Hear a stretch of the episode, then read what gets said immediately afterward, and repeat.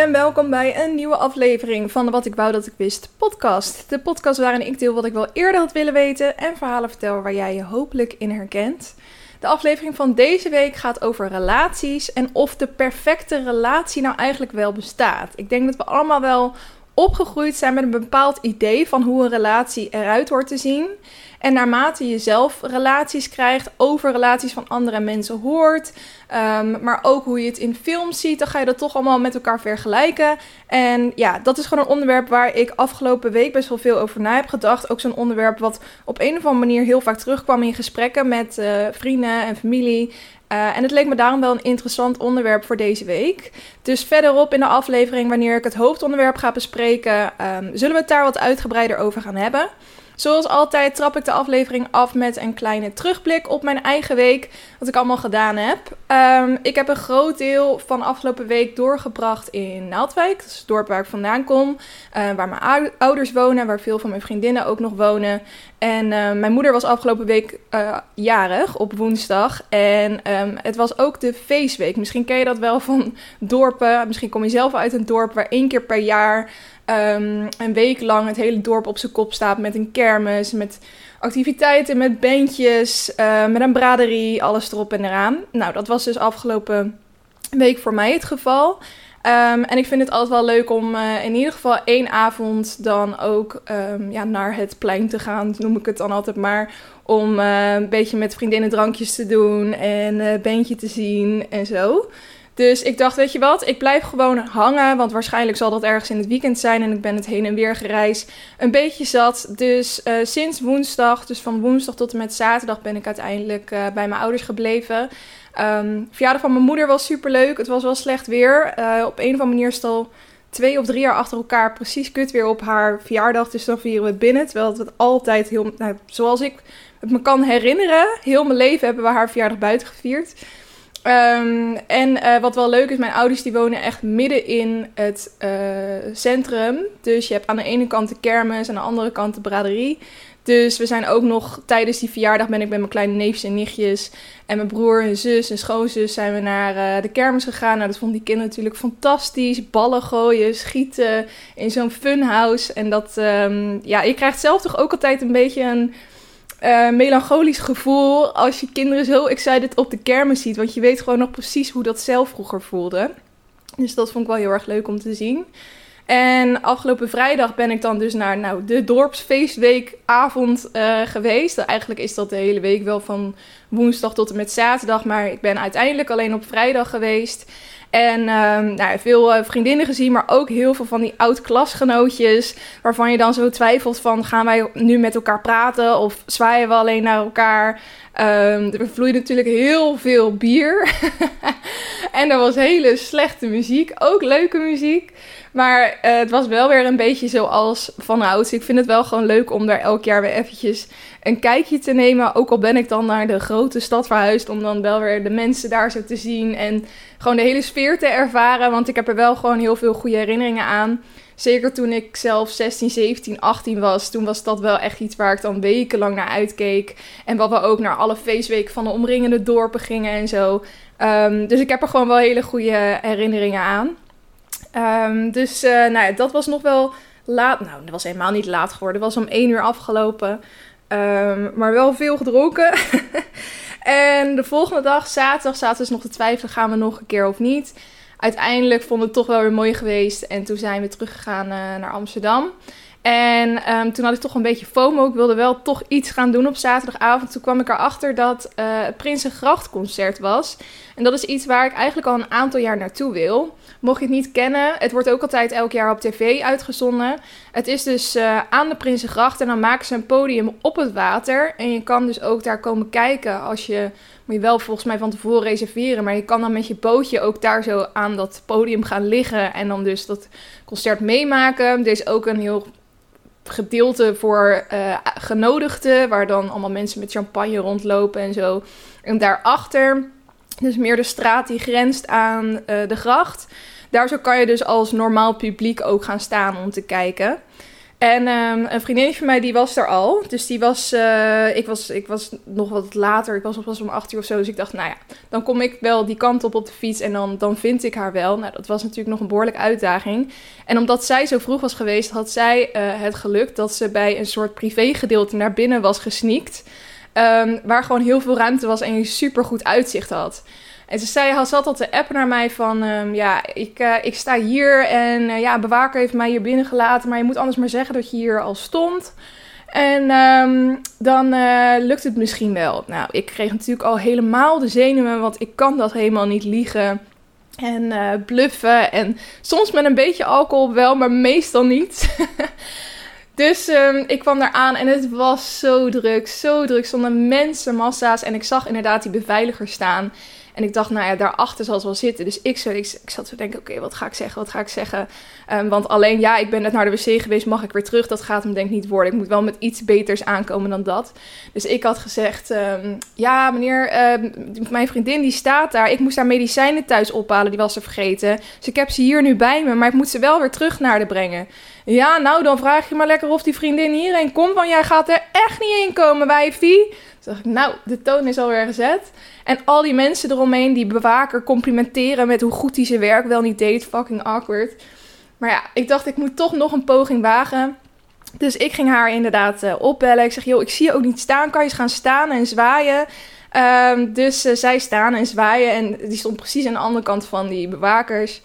Dus um, ik weer tegen die bewakers. Kijk, daar staat ze. Ik moet daarheen. Ik kom daar net vandaan. Um, en toen zei dus vriendinnetje van mij van ja, die bewaker, die rechter, daar zo, die heeft mij er langs gelaten. Dus ik wijs er naar die bewaker en ik zeg, u heeft toch net die, haar er langs gelaten? Ik moet daar nu ook weer heen. In de hoop dat hij een soort van verward zou zijn van, oh, misschien hoorden zij er wel bij of zo.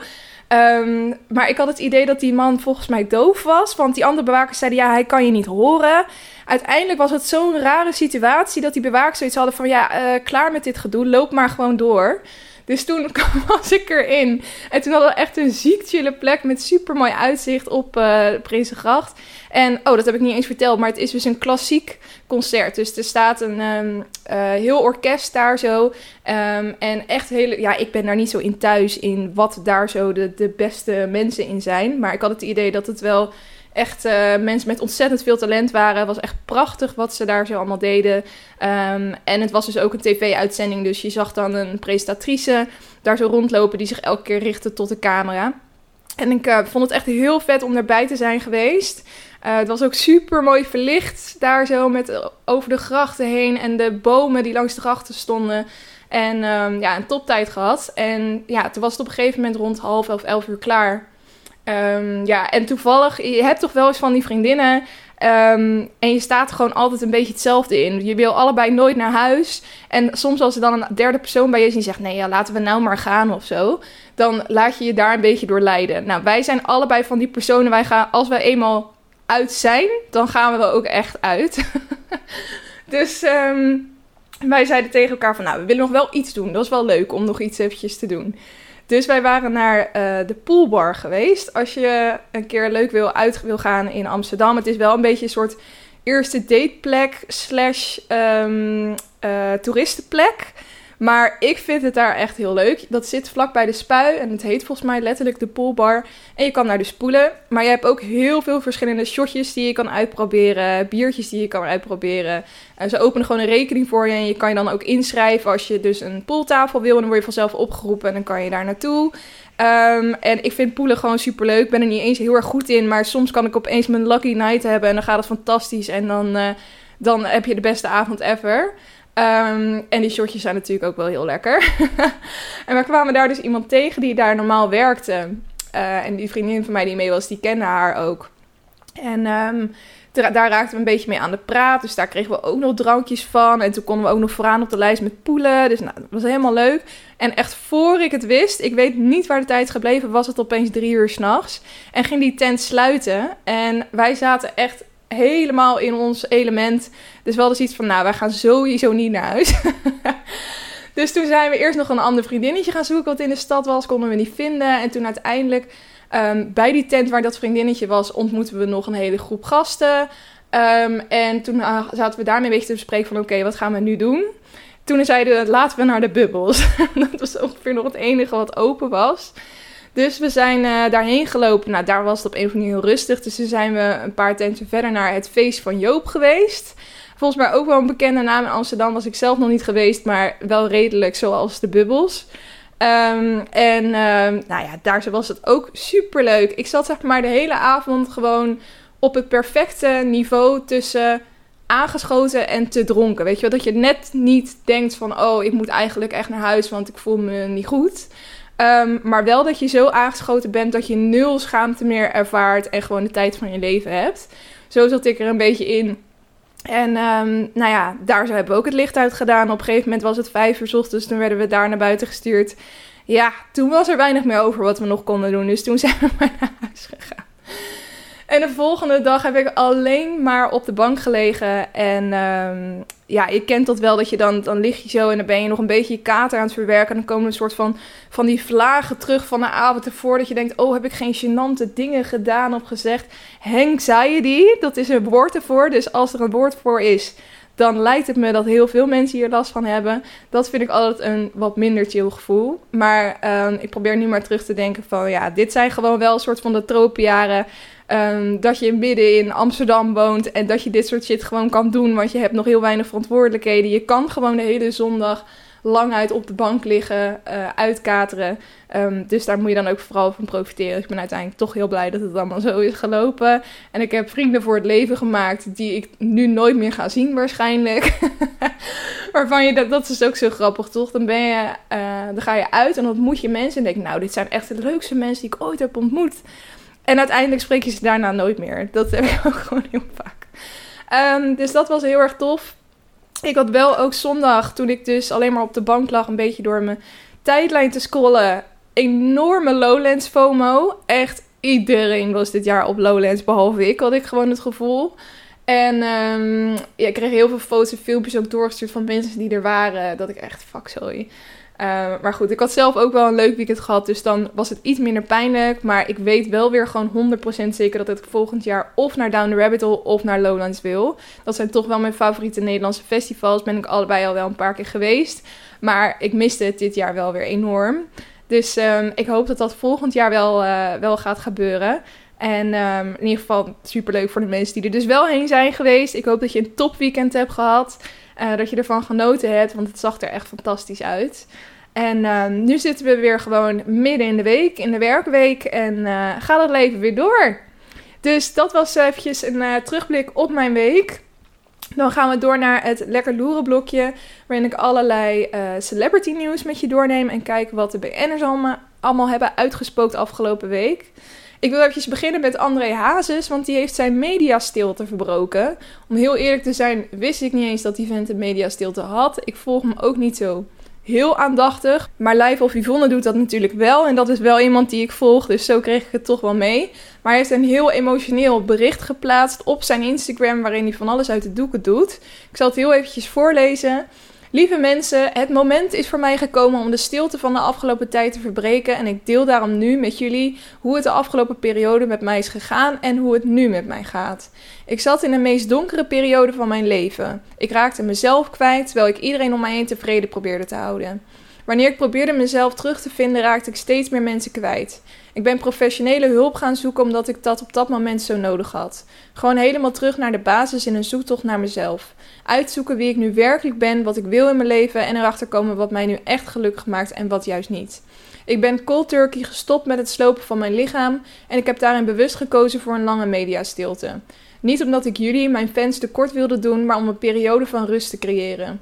Iets waar ik enorm aan toe was en waardoor het nu weer juist goed met mij gaat. Binnenkort verschijnt ook mijn documentaire Crossroads op Videoland. Ik laat me van mijn meest kwetsbare kant zien en geloof me dat dit zwaar was. Ik ben van ver gekomen en jullie verdienen een eerlijke documentaire. Veel verslaving heb ik inmiddels overwonnen, maar de verslaving om te mogen zingen voor mijn fans zal ik nooit kwijtraken. Ik heb jullie zo gemist en kan niet wachten om mijn comeback te maken. En waar anders zou dat kunnen dan bij Holland Zingt Hazes 2023. Ik kijk er enorm naar uit om weer te mogen zingen voor het meest trouwe publiek dat er is. Veel liefs en geluk, André. En ja, misschien is het omdat ik te veel uh, Live of Yvonne stories kijk. Maar ik vind het toch wel heel toevallig dat hij precies zo'n emotionele post plaatst. Op het moment dat zijn documentaire op Videoland gepromoot moet worden. En hij bekend maakt dat hij bij Holland Zingt Hazes 2023 aanwezig zal zijn.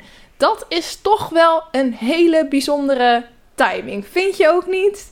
Ik, um, ik wil heel graag altijd het beste uh, in elke situatie zien. En uh, ik wil vooral niet mensen hun ervaringen te niet doen. En ik geloof ook zeker dat hij met zichzelf ontzettend in de knoop heeft gezeten. En dat hij verslaving heeft die hij moet, heeft moeten overwinnen. Maar toch denk ik dat hier wel een behoorlijk commercieel randje aan zit. En dat uh, alles wat hij doet wel precies op de juiste momenten uitgekiend is. En dat doet natuurlijk wel een beetje wat af aan de gunfactor en de geloofwaardigheid van iemand. En um, ik geloof ook wel dat hij misschien iemand is die het wel fijn vindt om zich een beetje te laten sturen door een managementteam of wat dan ook. En dat hij dat misschien ook wel nodig heeft. Maar um, voor mij is dat toch een beetje een afknapper als mensen dat doen. En komt het gewoon niet zo heel erg authentiek over. Dus uh, ja, het is wat het is. Um, ik zie de, de rest van de soap wel weer verschijnen. En ik denk dat er ook ontzettend veel juice in die documentaire zal gaan zitten. Maar dat het vooral een hele grote promotie voor zijn eigen carrière zal zijn. Nou ja, you do you. You do you. Um, dan het volgende nieuwtje. Ben Affleck en Jennifer Lopez zijn voor de tweede keer getrouwd. Nou, dat is toch leuk? Dat is toch leuk om te horen dat liefde die jaren geleden voorbij was. Die, uh, waarvan mensen zo jammer vonden dat ze uit elkaar waren. En die twee die zijn helemaal hun eigen kant op gegaan. Zijn met andere mensen getrouwd. Hebben met andere mensen kinderen gekregen. En uiteindelijk zijn ze toch weer terug bij hun eerste liefde. Of nou ja, ik weet niet of het echt de allereerste liefde was. Maar wel de liefde waarvan iedereen hoopte dat het weer hersteld zou worden. En nu lijkt dat dus echt zo te zijn. Uh, ze zijn 53 en 50. En uh, ze zijn dus opnieuw voor de tweede keer met elkaar getrouwd. Er zijn wat exclu exclusieve beelden bij RTL Boulevard. ik vind dat, dat zo grappig. Je ziet overduidelijk aan de foto's dat er gewoon een drone in de lucht heeft gehangen. Dat niemand op die drone zat te wachten. En um, dat, ja, dat lijkt me gewoon verschrikkelijk. Als je zo bekend bent dat mensen, en dan bedoel ik vooral de media, roddelbladen, zoveel moeite doen om ongeveer de mooiste dag uit je leven, of de op één na mooiste dag, want hè, de eerste was misschien wel het allermooist, maar om dat dan ja, toch een klein beetje te verpesten door maar per se die allereerste foto's te willen hebben. Uh, maar in ieder geval, trouwens, dat was niet RTL Boulevard zelf. Zij hebben het natuurlijk weer overgekocht van een partij die daar zo zelf aanwezig was. Maar um, dat we zeiden, ze ziet er wel prachtig uit. Een hele mooie jurk en uh, vooral heel erg gelukkig. En dat vind ik wel heel erg cute. Het herstelt toch een beetje je vertrouwen in de liefde dat het uiteindelijk allemaal goed kan komen. En wat ik ook wel een bijzondere keuze vind, is dat uh, iedereen op hun bruiloft in het wit kwam. Normaal is het natuurlijk echt nat dan om in het wit op een bruiloft te verschijnen. Want dan neem je um, dat weg van de bruid. Want die zou moeten opvallen in het wit. En um, hij ook. Hij heeft ook een wit colbertje aan. Ik vind het wel op zich een leuke, gedurfde keuze. Dan uh, iets anders. Nog een leuk liefdesnieuwtje.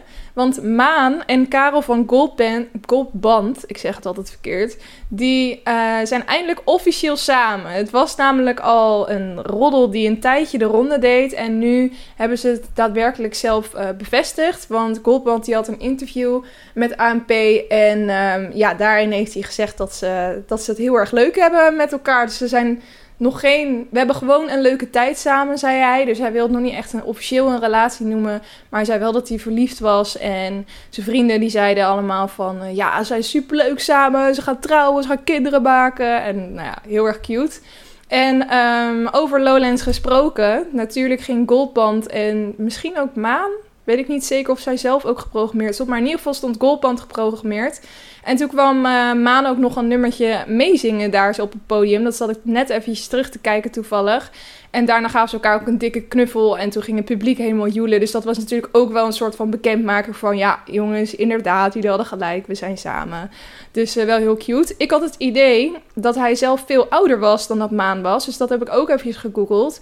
Maar Maan is 25 en Karel is 28. Ik denk dat ik gewoon een beetje in de war was doordat de andere gasten van Goldband volgens mij wel wat ouder zijn. En sommigen ook al gezin en kinderen en alles erop en aan hebben. Um, dus dacht ik dat hij dat ook was, of in ieder geval ouder was. Um, maar dat valt dus wel mee. Dus ik vind het wel een cute setje. En Maan die lijkt wel een soort thema te hebben. Ze gaat altijd wel een beetje voor de ruige gasten. De Tony Junior en de Karel uh, van uh, Goldband. maar ik vind dat juist wel leuk. Omdat zij een wat degelijker meisje is in mijn ogen. Om dan juist een beetje een ruig type te nemen. Een soort yin-yang uh, situatie. Um, en tot slot, laatst wat ik wilde bespreken, Jessie J. Die had een uh, bijzonder Instagram bericht geplaatst. Um, ze vertelde namelijk dat ze nou ja, een foto van toen ze 16 was en daarna een foto van hoe ze er nu uitziet. En in haar post vertelt ze dat toen ze 16 was ze een lijst had geschreven van dingen die ze wilde doen voordat ze 30 was. Ik ken dat idee ergens van. en het eerste op die lijst was dat ze moeder wilde worden. En ze is nu 35 jaar. En ze zegt dus um, van uh, the grief of losing a baby and it not being easy to have one and wanting my life in that way to look completely different to what it looks like right now just overwhelms me. Dus eigenlijk zegt ze daarin dat ze al een baby heeft verloren en dat het gewoon haar niet lukt om uh, zwanger te worden of in ieder geval om een baby op de wereld te zetten en dat ze daar zo gewoon heel erg uh, van baalt en daar hele slechte mentale dagen door ervaart. Um, en ze zegt ook dat ze dat normaal zelf zou, um, ja, voor zichzelf zou houden, maar dat ze nu erg de behoefte voelde om dat te delen, omdat ze weet dat er ook heel veel mensen op de wereld zijn die met dezelfde problemen dealen op dit moment. Dus ik vond het wel heel mooi dat ze dat, um, ja, dat, ze dat, dat ze dat durfde te delen.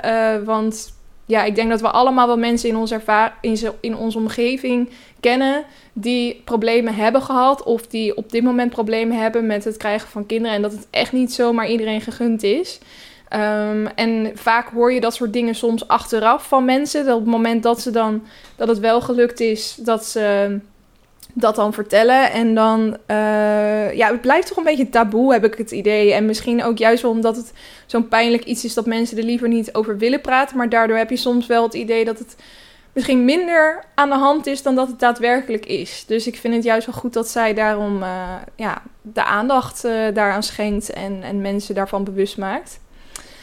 Dat was het voor het lekker loeren blokje. Dan gaan we naar het lekker leven blokje, waarin ik allerlei tips geef om jouw leven leuker en lekkerder te maken.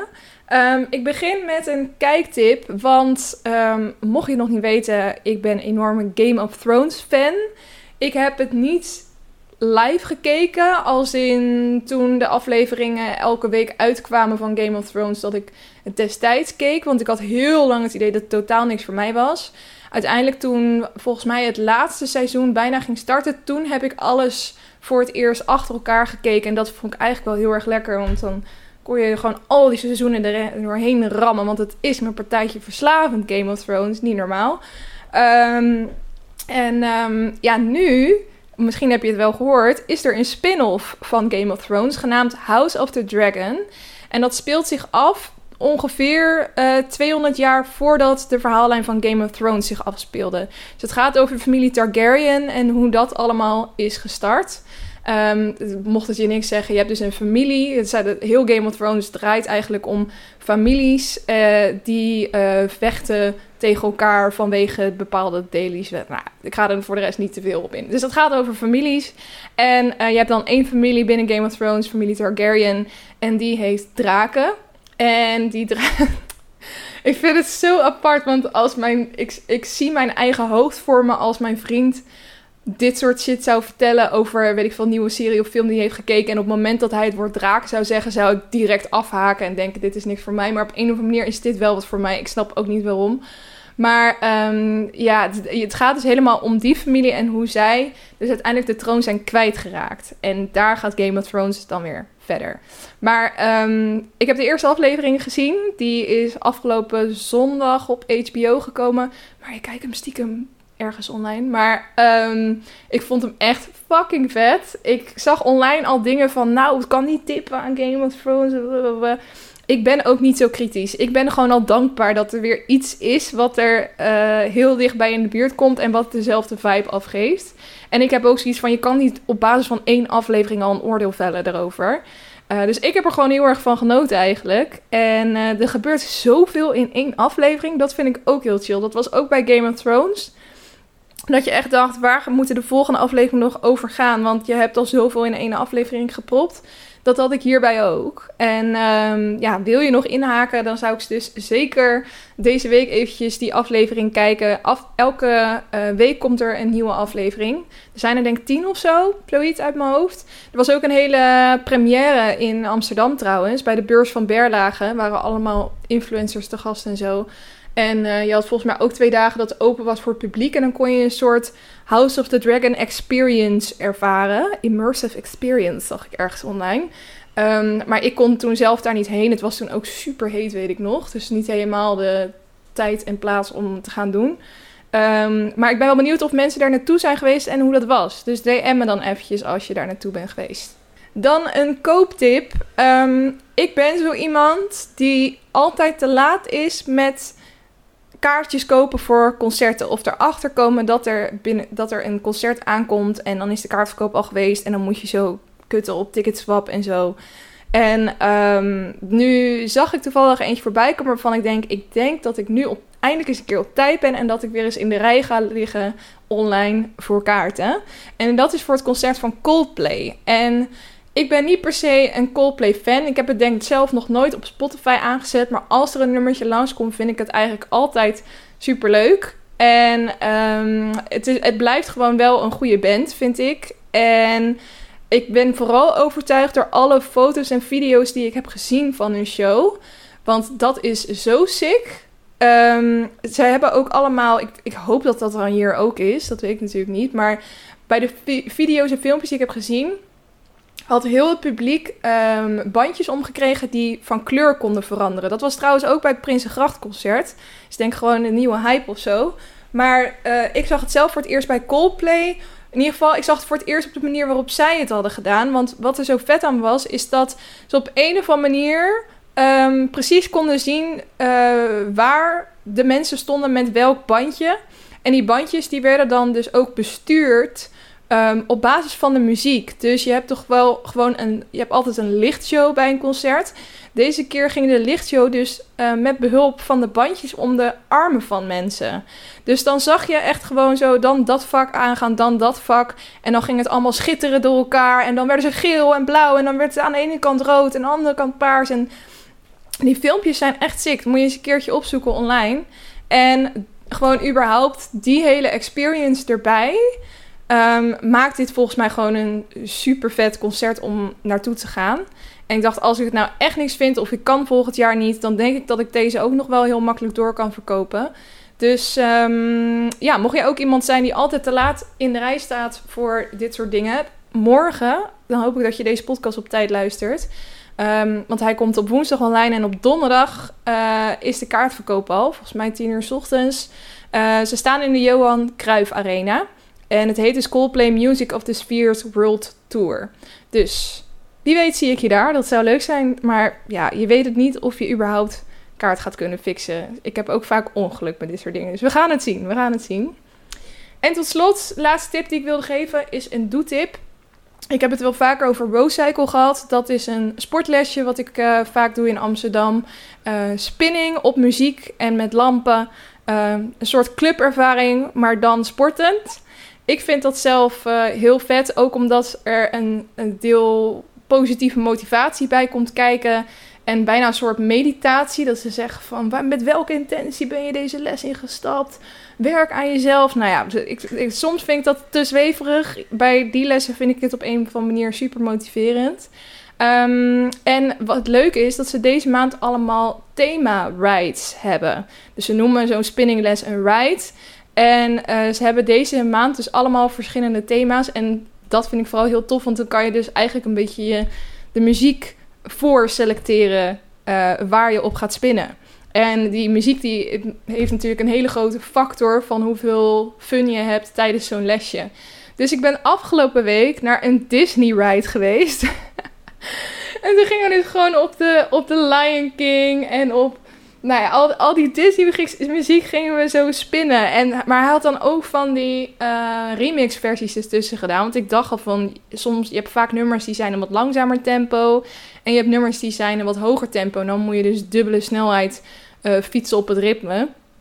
Uh, maar daar had hij dus de oplossing voor om remixte versies er doorheen te gooien. Uh, dus dat, ik, ik vond het, ik heb echt tijd van mijn leven gehad. Het was super grappig, want degene die de les gaf, die speelt zelf dus ook in de musical Aladdin. Oeh, ik moet hem nog een berichtje sturen. Hij zei dat uh, als ik hem, uh, of iedereen, ah, tegen iedereen in die klas zei hij dat hoor, maar dat als je hem een berichtje stuurt, dat je dan met korting naar Aladdin kon. Dus ik wil heel graag naar die musical, dus dat moet ik nog eventjes doen.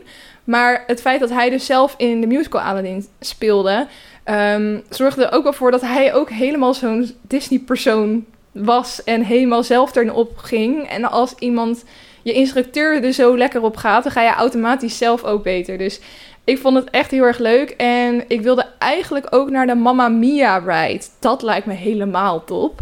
Maar ik had toen een, uh, een brunch staan met de vriendinnetjes. Ik kon niet. Maar um, ik ga nog eventjes kijken of er aankomende week een Mamma Mia ride is. Want dat lijkt me dus ook uh, top. Want ik ben helemaal gek van alle ABBA muziek. Net zoals elke millennial en Gen Z hier volgens mij op dit moment. um, maar er zullen, vast nog wel wat meer thema rides tussen zitten. En Roodcycle zit ook in andere steden. Het zit ook in uh, Utrecht en in Rotterdam uit mijn hoofd. Dus uh, mocht je het überhaupt nog nooit uitgeprobeerd hebben, uh, doe dat dan een keer. Want ik vind het echt super leuk en het is heel zwaar. Maar juist daarom kom je altijd vol voldoening terug.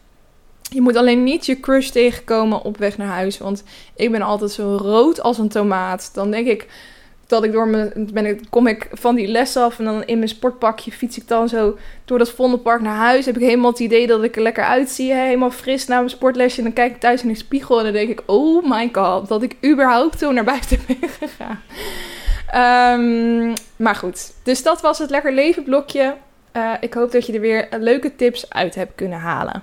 Dan gaan we nu door naar het hoofdonderwerp: bestaat de perfecte relatie? Zoals ik in het begin van de aflevering al zei, dat is gewoon een onderwerp waar ik het best wel veel de afgelopen week over heb gehad met mensen, waar ik veel over na heb gedacht. En um, er bestaan gewoon best wel veel verschillende relaties.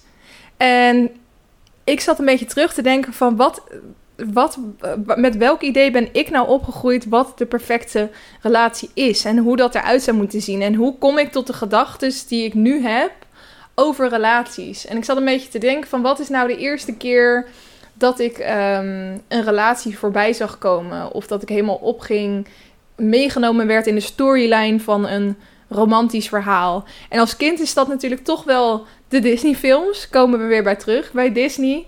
En um, daarin heb je best wel een vaste lijn. Je hebt altijd het moment dat een meisje en een jongen elkaar tegenkomen en elkaar interessant vinden, maar dan gebeurt er nog niks. Um, dan leren ze elkaar beter kennen en dan probeert de jongen het meisje op allerlei romantische manieren te, uh, te, te, versieren.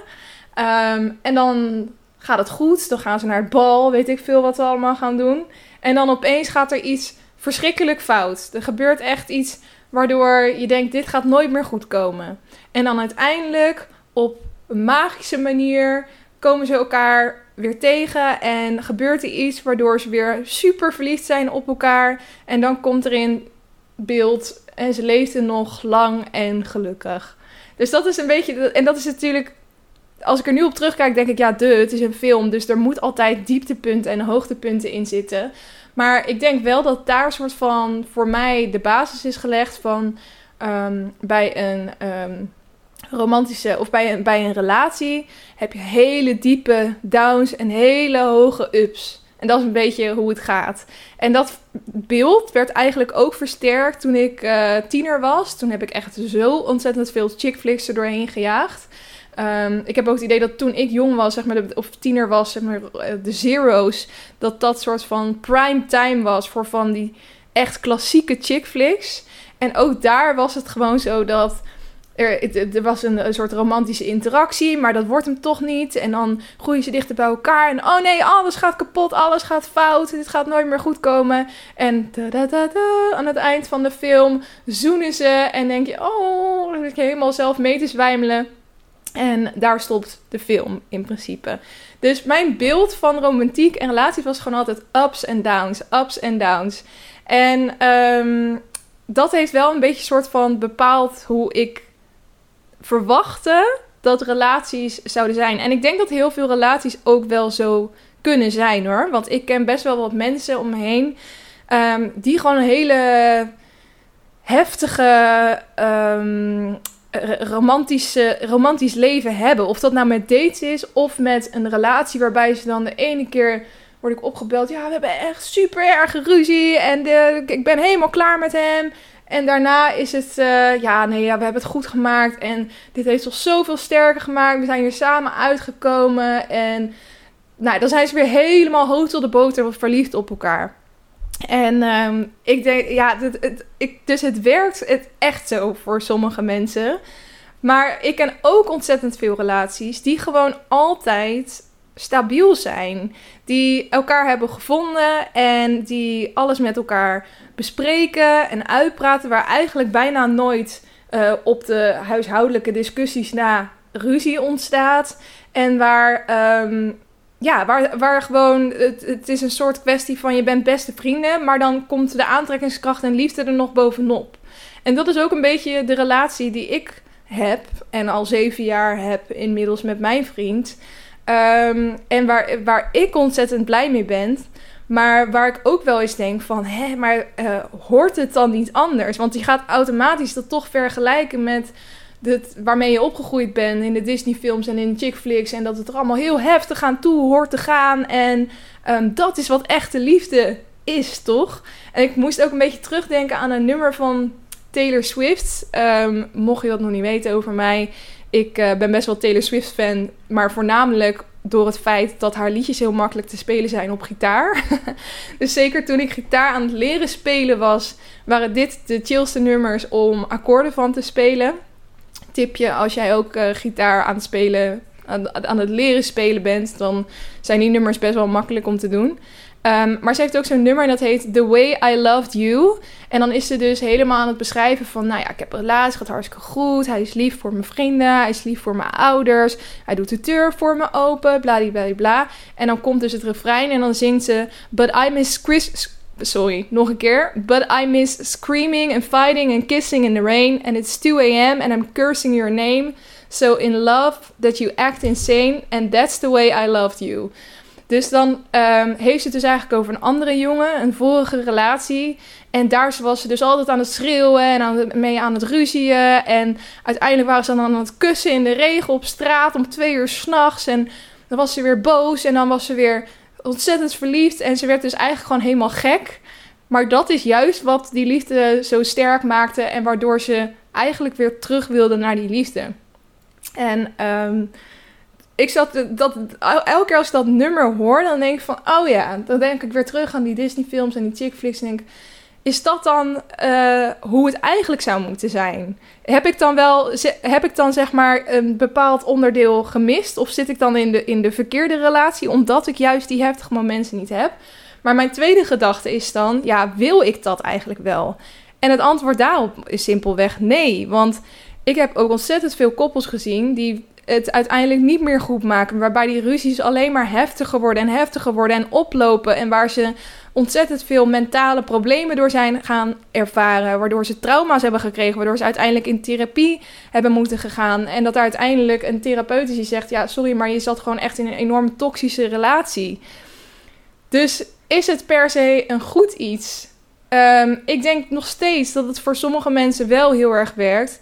Maar ik denk ook dat we misschien een beetje te veel romantiseren. En misschien zeg ik dat wel, is dat makkelijk om vanuit mijn positie te zeggen. Ehm, en heb ik een beetje een, een vooroordeel omdat ik zelf in een tussen aanhalingstekens wat stabiele relatie zit. Maar ehm, ik denk ook wel doordat het juist zo erg, ehm, hoe zeg je dat? Romantiseren in, de, in, in alle pop, popmedia die we hebben. En daarmee bedoel ik dan films en tv en nummers en alles wat je eigenlijk tot je neemt. Dat je daar zo misschien ook wel een beetje mee promoot dat hele idee dat, je, dat ruzies erbij horen in een relatie. En dat het juist goed is als je uh, heel veel ruzie hebt. En het daarna ook weer heel veel met elkaar goed maakt. En dat, dat vuur en passie. En ik geloof ook zeker dat je vuur en passie moet hebben in een relatie. Maar moet dat dan op, op die manier gaan? Is dat de perfecte relatie?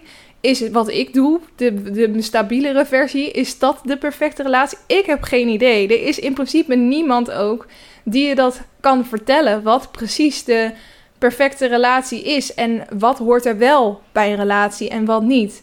Een heel ander voorbeeld is ook dat ehm, eh, ik, had, ik had een gesprek met mijn vriend en dat ging over kijken in elkaars mobiel. En ehm, als je dat überhaupt al noemt, ergens in een gesprek, dan zeggen mensen van, oh, als je dat doet, nou, dat kan je echt niet maken in een relatie. Terwijl Ehm, wij doen dat wel. En dan niet op een manier van, oeh, als hij naar de, naar de, in de douche is of zo. Ik ga stiekem eventjes op zijn mobiel kijken met wie die allemaal aan het praten is. Maar meer van, stel hij is bijvoorbeeld aan het autorijden en ehm, we moeten even iemand appen dat we later komen. Dan pak ik gewoon zijn mobiel en dan ga ik naar WhatsApp dan zie ik gewoon al zijn gesprekken staan en dan stuur ik een appje naar diegene. Of hij wordt op zijn mobiel gebeld of zo. Of hij krijgt een melding en hij zegt: Kan je eventjes kijken wat dat is? Het is meer op die manier dat we eigenlijk niks voor elkaar te verbergen hebben. En daarom dus ook niet de behoefte voelen om in elkaars mobiel te kijken. Want het is bijna zoiets als een soort kind dat dan zegt, uh, of, of dat je tegen een kind zegt dat hij iets niet mag doen. Dan wil hij het juist heel erg graag doen. En wij vinden het juist fijn dat we alles open en eerlijk met elkaar kunnen delen. Dat we eigenlijk nul geheimen voor elkaar hebben. Ehm, en dat we dan dus ook niet de behoefte voelen om in elkaars mobiel te kijken. Juist omdat we weten dat wanneer we dat wel zouden willen, zou dat gewoon kunnen. Weet je wel, meer op die manier. Maar ik heb ook vriendinnen die zeggen van ja, ik vind dat gewoon echt niet chill. Dat is gewoon mijn privé iets en dat gaat niemand verder iets aan, zelfs mijn vriend niet. En hij hoeft echt niet in mijn mobiel te gaan kijken. En die snap ik ook weer heel erg goed. Dus dat is een typisch voorbeeld van iedereen doet het in een relatie op een andere manier. En dat betekent nog niet dat het een beter is uh, dan het ander. Maar wat het ook juist wel weer ingewikkeld maakt. Want je weet eigenlijk niet waar je goed aan doet. Je moet het altijd maar een beetje uitvolgen met elkaar. En ik denk ook dat elke relatie die je in je leven hebt, dat het daarin weer anders kan zijn. En dat je met elkaar weer moet gaan kijken: oké, wat vind jij fijn en normaal en leuk om in een relatie te doen? En wat vindt de ander daarvan? Ehm, ik had ook bijvoorbeeld een gesprek over met vrienden over locatie delen. Ik vind het bijvoorbeeld heel erg fijn dat ehm, als mijn vriend later is, dan appt hij dat niet altijd. Maar dan kan ik wel zien, doordat wij allebei elkaars locatie delen, van oh, hij is nu onderweg naar huis of zo. En ik doe dat helemaal niet op een spastische manier om te kijken van, oh, waar is hij nu? En hij zei dat hij al thuis zou zijn en op, op die manier. Maar gewoon op een hele laid-back, relaxed manier van, oh, uh, hij zit nu daar, want oh, dan zal hij wel rond die tijd daar ongeveer kunnen zijn. Oké, dan weet ik dat op die manier. Maar dat is ook iets wat heel veel mensen bijvoorbeeld weer helemaal niet doen. Dus het een werkt voor de een en het ander werkt voor de ander. En iets wat, wat, mij, wat nog verder gaat en waardoor, waar ik dus de afgelopen weken veel over na heb gedacht is bijvoorbeeld over vreemdgaan en open relaties. Ik had daar best wel een hele duidelijke mening over. Ik vond gewoon, ja, vreemdgaan, dat als dat eenmaal is gebeurd, dat is gewoon onoverkomelijk. Dan is het klaar en dan moet je nooit meer iets met diegene willen. Uh, en open relaties, ja, dat, dat werkt gewoon niet. Dat is in principe gewoon uh, met één voet buiten je relatie staan. En uh, een, een, maand later is het uit. Weet je wel, zo'n soort tussenfase voor mensen die het eigenlijk nog niet uit willen maken.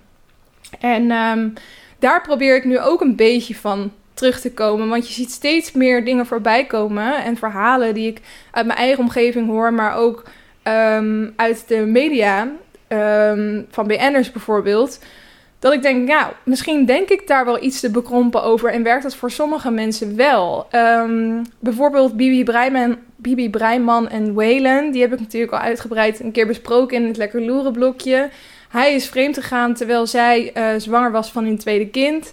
Um, en ze hebben besloten om gewoon uh, samen te blijven. En ik kan daar dan nog wel heel veel van gaan vinden. Maar uiteindelijk ben ik niet degene die daar iets over te zeggen heeft. En ik heb het ook wel eens met andere uh, vriendinnen daarover gehad. Dan zeiden van, stel nou, hè, wij hebben allemaal een relatie. Dus het zou kunnen dat ja, het, is, het zou super zijn, maar um, ervan uitgaan dat het altijd uh, in al onze relaties tot het einde der tijden zeg maar goed blijft gaan, die kans is gewoon heel erg klein. Maar hoe ouder je wordt, hoe meer binding je uiteindelijk met elkaar gaat hebben. Je zit in dezelfde vriendengroepen, je gaat uh, samenwonen, je gaat trouwen, je gaat kinderen krijgen, hè, als je dat allemaal wilt tenminste. Maar um, op een gegeven moment heb je zoveel met elkaar gedeeld en heb je zo'n groot leven met elkaar gehad en zit het zo in elkaar verweven en heb je zoveel liefde met elkaar opgebouwd. Um, dat een vriendin van mij ook wel zei van ja, ik zou niet weten, eventjes daar ver in de toekomst kijken, of ik dan met één slippertje gelijk die keuze zou maken van uit mijn leven en ik wil je nooit meer zien. Terwijl, en toen ze dat zei, toen dacht ik eerst van, ben ik het daarmee eens? Nee. Ehm, maar aan de andere kant kan ik het juist ook wel weer heel erg goed begrijpen. En ik kan, mezelf, ik kan ook nog niet zeggen hoe ik er tegen die tijd in sta. Misschien denk ik er dan ook wel zo over. Terwijl vroeger, als iemand dat tegen me had gezegd, dat ik überhaupt een beetje die kant op zou kunnen denken, had ik echt gezegd: dat is niet waar. Dus het is wel grappig hoe je um, ook een soort andere blik op relaties kan krijgen en hoe, hoe dat ook weer kan veranderen. Um, en hetzelfde geldt voor open relaties. Je had natuurlijk die Steven Brunswijk en zijn vrouw. Die, nou ja, dan zou er naar buiten gebracht worden dat hij vreemd was gegaan. Maar zijn vrouw had er gewoon naast gestaan. Dus oftewel, ze hadden een soort. Zij zijn al getrouwd, een soort open huwelijk. Waarbij ze allebei met andere mensen mogen zoenen. En zij hebben daar toen echt een punt van gemaakt: van Nederland is gewoon te bekrompen. Die snapt niet de relatie die wij hebben. Maar dit is wat wij fijn vinden. En dat zag je natuurlijk ook in Temptation Island. Daar had je ook een stel die heel erg aan het nadenken waren over het hebben van een open relatie. En um, die vonden dat ook heel moeilijk om in dat programma te delen, omdat ze weten dat Nederland daar nog heel anders over nadenkt.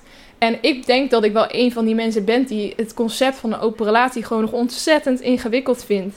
Maar ik moet ook wel zeggen dat hoe vaker ik dat hoor, dat mensen een open relatie hebben, hoe meer ik bij mezelf denk van ja, waarom ook niet? Waarom hebben we hebben dit hele concept van je mag maar met z'n tweeën samen zijn je hele leven als je uh, voor elkaar hebt gekozen.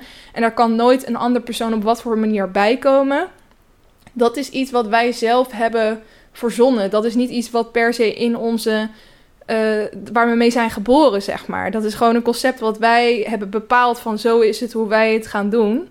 En dat is natuurlijk ook met een reden allemaal. Maar juist omdat het een concept is, kan je ook denken, uh, dan is dat concept ook veranderlijk. Dus ik vind het wel interessant om een beetje op die manier mijn eigen gedachten te onderzoeken. Van wat, waar, waarom vind ik het een wel kunnen en het ander niet? En vaak is het ook gewoon zo dat ik denk, ja, voor andere mensen die vinden dat prima en fijn. En voor mij voelt dat gewoon niet goed. En dat is dan natuurlijk ook al genoeg om je eigen keuzes te maken en daarbij te blijven. Maar ik denk wel dat we altijd een soort van open-minded moeten zijn over hoe andere mensen het aanpakken. En dat er dus en daarom komen we weer helemaal bij de clue van het onderwerp van deze podcast. Dat de perfecte relatie niet bestaat. En dat het hele concept van een relatie voor elk persoon weer anders is en verschilt. En dat iedereen dus eigenlijk binnen, nou ja, de mensen waarmee je die, relatie hebt, de persoon waar, die, waar die, die ook met jou in die relatie zit, dat je eigenlijk de vrijheid hebt om samen de invulling te geven wat, aan wat voor jou de perfecte relatie is. En dan hoop je natuurlijk ook dat je daar met z'n tweeën op dezelfde manier in staat. En dat je het dus op die manier ook tot een succes kan maken. Maar um, dat is eigenlijk dus ook het punt wat ik wil maken. Is dat ik erachter ben gekomen dat ik altijd dacht dat er een manier was om een relatie te hebben. En dat ik nu heb beseft dat de perfecte relatie gewoon niet bestaat. Of in ieder geval dat de perfecte relatie voor iedereen een andere betekenis heeft. En dat ik dat dus eigenlijk ook wel iets heel vets en iets heel moois vind. Dat het ook niet voor elke persoon hetzelfde is.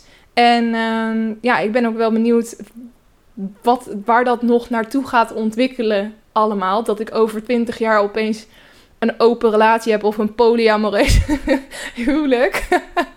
ik moet er een beetje om lachen, omdat ik me nu echt geen voorstelling bij kan maken.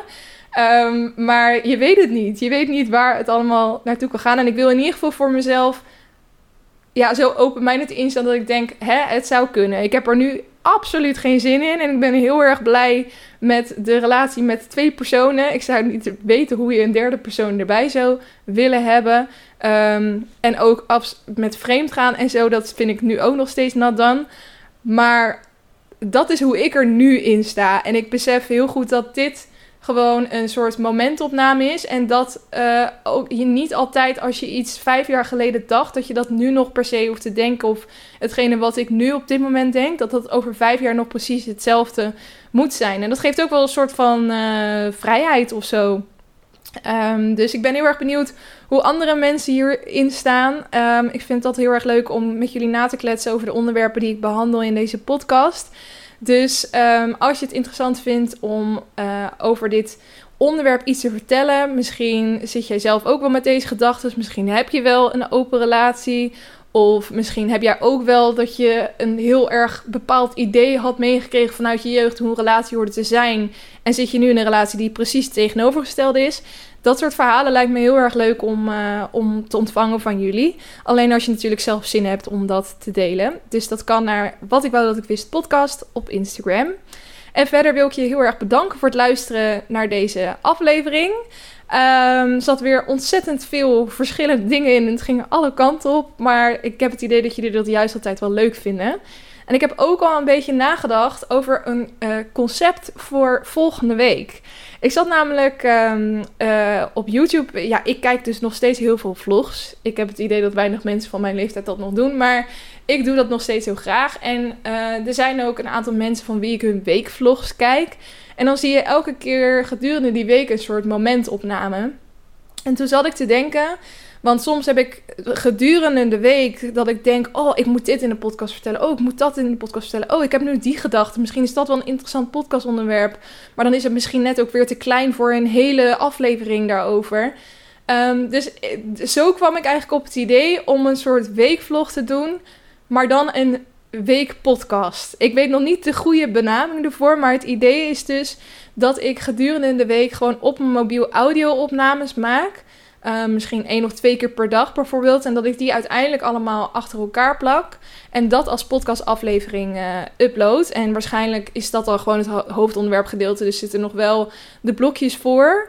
Um, maar dan heb je gewoon meer een ja, uitgespreid deel van mijn week. Met allemaal hersenspinsels en gedachten. Uh, ik heb nog nooit een andere podcast dit zien doen. Ik heb wel de.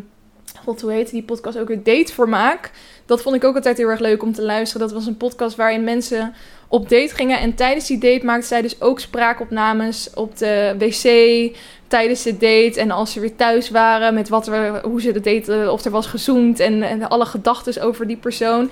En dat gingen ze dan daarna samen in de studio met elkaar terugluisteren. Dat vond ik een heel leuk concept.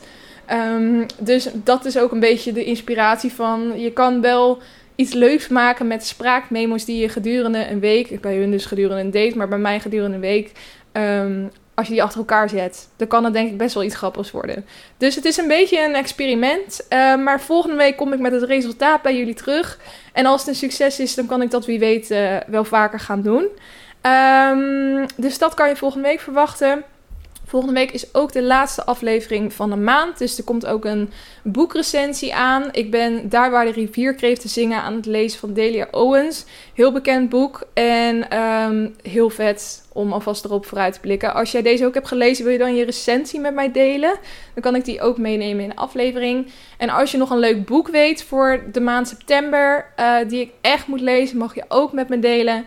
En nu ben ik wel weer een keer uitgeluld. Dus thanks voor het luisteren. En hopelijk ben je er volgende week ook weer gezellig bij. Tot dan. Doei doei.